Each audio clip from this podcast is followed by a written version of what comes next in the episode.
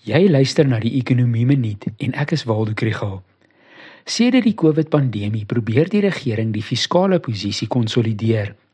Dit beteken dat hulle probeer om besteding te beperk om die begrotingstekort en staatsskuld onder beheer te bring. Die afgelope 2 jaar was hulle gelukkig om meer belastinginkomste in te vorder as waarvoor hulle begroot het.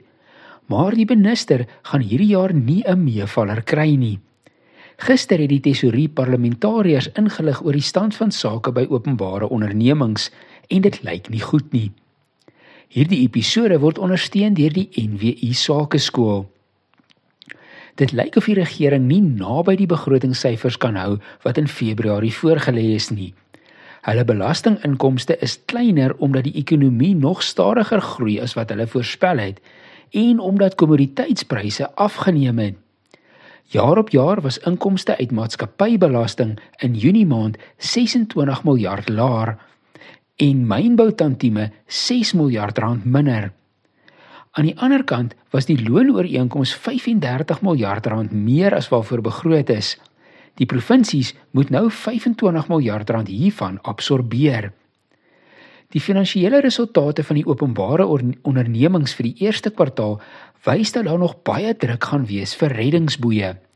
By Transnet is spoorvervoer volume kleiner as begroot en die inkomste is ongeveer 13% kleiner.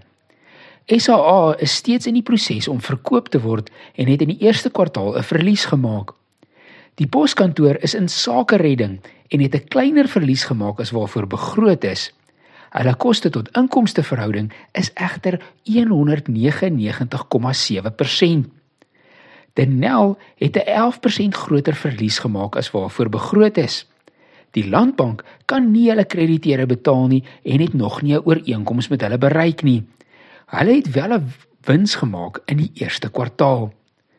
Daar is al genoeg redes om bekommerd te wees oor die groei van die staatsskuld en wie dit gaan koop.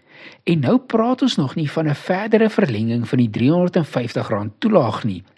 Never mind die NHI.